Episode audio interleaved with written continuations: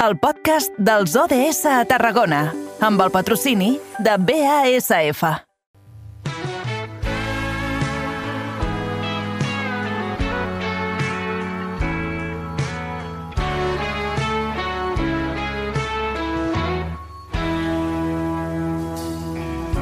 Me doctoré en tus labios de ocasión en una sordida pensió. Moment de començar aquesta darrera hora de programa, com dèiem, i ho fem com sempre de la mà dels ODS, els Objectius de Desenvolupament Sostenible, i amb la nostra companya de la nova ràdio de Reus, Angela Mayo. Bona tarda, bon dimarts. Molt bona tarda, Eduard, igualment. Avui ens centrem amb l'objectiu número 3.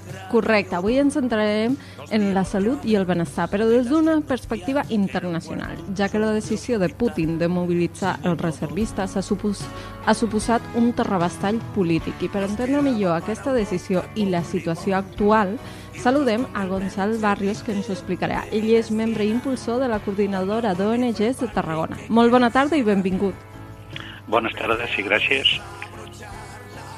Per situar-nos una, una mica, què significa aquesta decisió de Putin de mobilitzar els reservistes el primer cop que es fa des de la Segona Guerra Mundial? I en quin nou estadi està entrant la guerra d'Ucraïna? Bé, jo no sé realment si és el primer cop.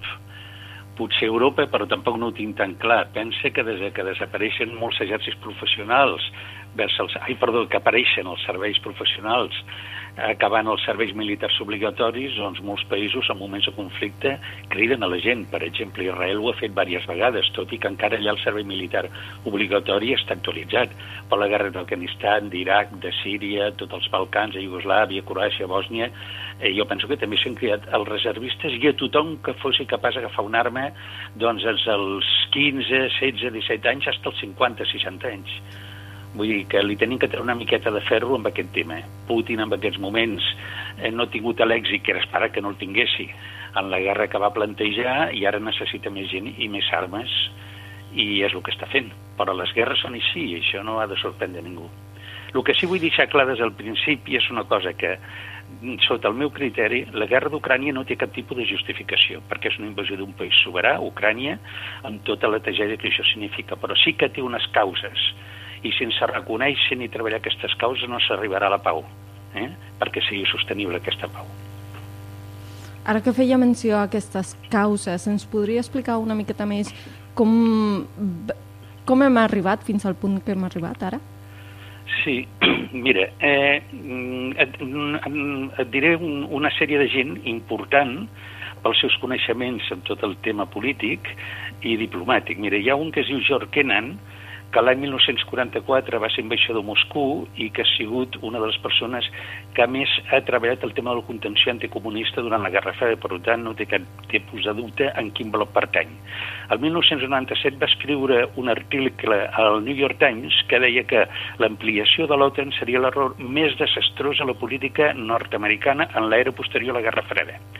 Cal esperar que una decisió d'aquest tipus inflami les tendències nacionalistes antioccidentals i militaristes de l'opinió russa, que tinguin un efecte negatiu en el desenvolupament de la democràcia russa, que restableixi l'atmosfera de la Guerra Freda, que és el que estem veient en les relacions est-oest, i que dirigi la política exterior russa en direcció que no ens, ens agrada en absolut.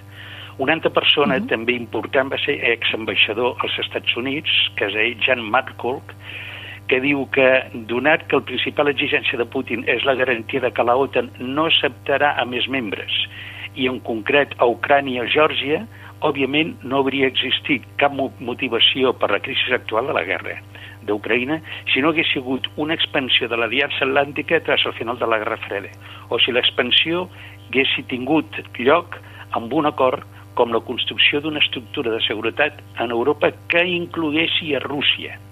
Mm? També un uh -huh. altre filòleg, lingüista, Noam Chomsky, que no té cap tipus de dubte tampoc, nord-americà, deia que el més crucial de la invasió de Rússia a Ucrània és un greu crim de guerra comparable a la invasió nord-americana d'Iraq o la invasió de Polònia per part de Hitler i Stalin a l'any 1947. Molt bé.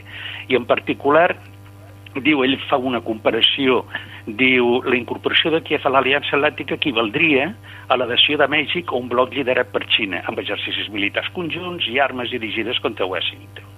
Per tant, s'explica molt a la gent nord-americana que hi ha unes causes que han creat aquest conflicte armat, que no el justifica, però unes causes. Qui vol treballar per la pau i vol la pau no treballa per la guerra, i l'OTAN és un front de guerra jo penso que s'ha marginat també molt a Rússia i aquestes són les conseqüències, perquè el que no és acceptable és que sense cap tipus de conflicte es vegin anar establint bases militars als antics països de la Unió Soviètica que s'aproximin a la frontera amb Rússia carregats de bases militars nord-americanes amb míssils apuntant cap allà i tal. Qui vol la pau no treballa per la guerra, treballa per la pau. No? Aquests serien -huh. una de les, de les causes, n'hi ha més, eh, però aquesta és una de les causes bàsiques en aquest conflicte actual.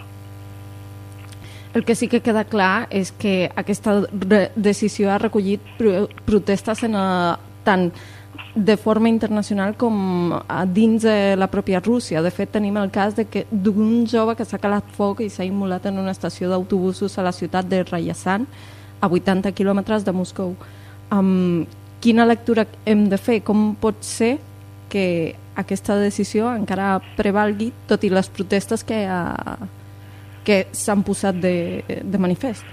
A veure, la, mm, jo penso que la immensa majoria de la població de qualsevol país no vol cap conflicte armat Eh, la gent només s'agafa les armes quan ja ja no pot més, i aquest no és el cas d'aquest conflicte. No, a més, no és el mateix d'un tipus de guerra com la de Centroamèrica als anys 80, on hi havia una guerrilla i un exèrcit, però que no tenien ni de lluny la capacitat de foc que hi ha ara, la capacitat de foc que hi ha ara, en aquests moments és la destrucció total i absoluta d'un país, no? i per tant és, eh, la gent quan es planteja aquest tipus de guerra sap que la allà el més fàcil és que mori i no hi ha cap tipus de defensa possible no? Eh, a més, eh, també hi ha un tema de mobilitat de gent marginal en aquests moments, que això és típic, de gent delinqüent, processats, etc, que és el que està fent Rússia en alguns llocs, però és que això també fa la legió francesa i la legió espanyola eh? o les companyies privades a Blackwater que han estat eh, a la zona de Síria i a la zona d'Iraq, que és una empresa nord-americana, o Warner, que és l'empresa, eh, diguem, filial potser del Blackwater, a lo mateix però amb la part russa. Vull dir, és normal que la gent no vulgui anar a la guerra. A més, la guerra la fan els jovens que no es coneixen, no s'odien però sí que es maten, i li dirigeixen els vells, que sí que es coneixen, s'odien, però no es maten. Llavors, és lògic que la gent jove digui, què m'esteu explicant d'aquesta guerra, que és una història vostra que no la volen ni els ucranesos ni els russos, no? de la població normal, no? Hmm. Gonçal, el que està clar és que els països de mica en mica eh, van incrementant la seva despesa eh, en defensa, en armament, eh, que hi ha un clima de desconfiança a nivell internacional. Tot això, eh, en quina situació deixa l'ajuda humanitària i la cooperació internacional, com per exemple la que eh, desenvolupeu vosaltres o moltes de les eh, ONGs que aixoplugueu? Doncs mira, molt malament, molt malament perquè és el contrari del que es tindria que intentar. És a dir, en aquests moments, el gran vencedor de tot aquest conflicte, com quasi sempre, que a més és l'únic país que fa la guerra per tot el món, ja no dic Vietnam, Corea, Afganistan, Iraq, Síria, etc etc etc, és els Estats Units. Els Estats Units eh, produeix el 40% dels, de l'armament que, que hi ha a nivell mundial, perquè, clar, un altre tema serà el tema de parlar algun dia de què és la OTAN, ai, perdó, la ONU, i quin paper està jugant la OTU, la ONU, el seu Consell de Seguretat i els països en dret a vet perquè l'ONU té 190 i pico països, el Consell de Seguretat són 15 països, però els que tenen dret a haver d'aquests 15 països són 5 països.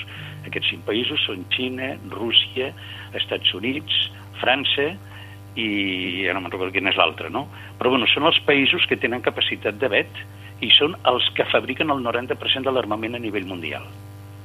I són els que tenen que ballar per la pau i els, les resolucions de l'ONU normalment no es compleixen, per exemple. Eh, i ja aquí tinc unes dades de la votació que hi ha hagut a la ONU durant 27 anys per treure el bloqueig a Cuba per part dels Estats Units i el 91,83 per 3 dels vots d'aquests 27 anys, repeteixo, 91,83 dels vots és contra el bloqueig i a favor del bloqueig solament el 1,53 dels vots durant 23, 27 anys.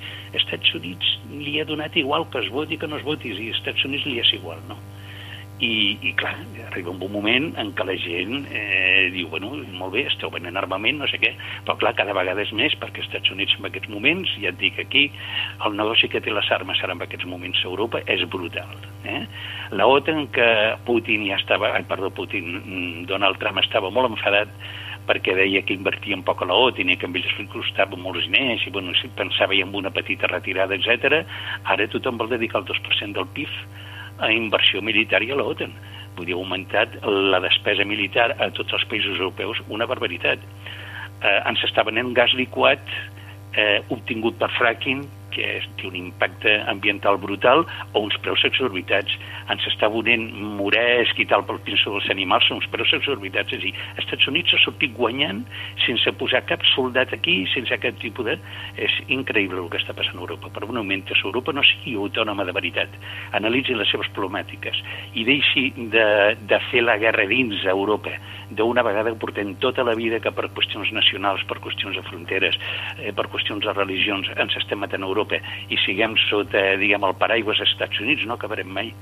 Eh? no acabarem mai. I llavors tot això la gent ho analitza i el normal és que diguin, bueno, jo no vull anar a la guerra, eh? i si puc fugir cap a un altre país per la frontera me'n vaig, perquè la gent no vol la guerra, veu tot un muntatge increïble eh? i no veu cap solució i ara tinc que anar a matar per qui, per què?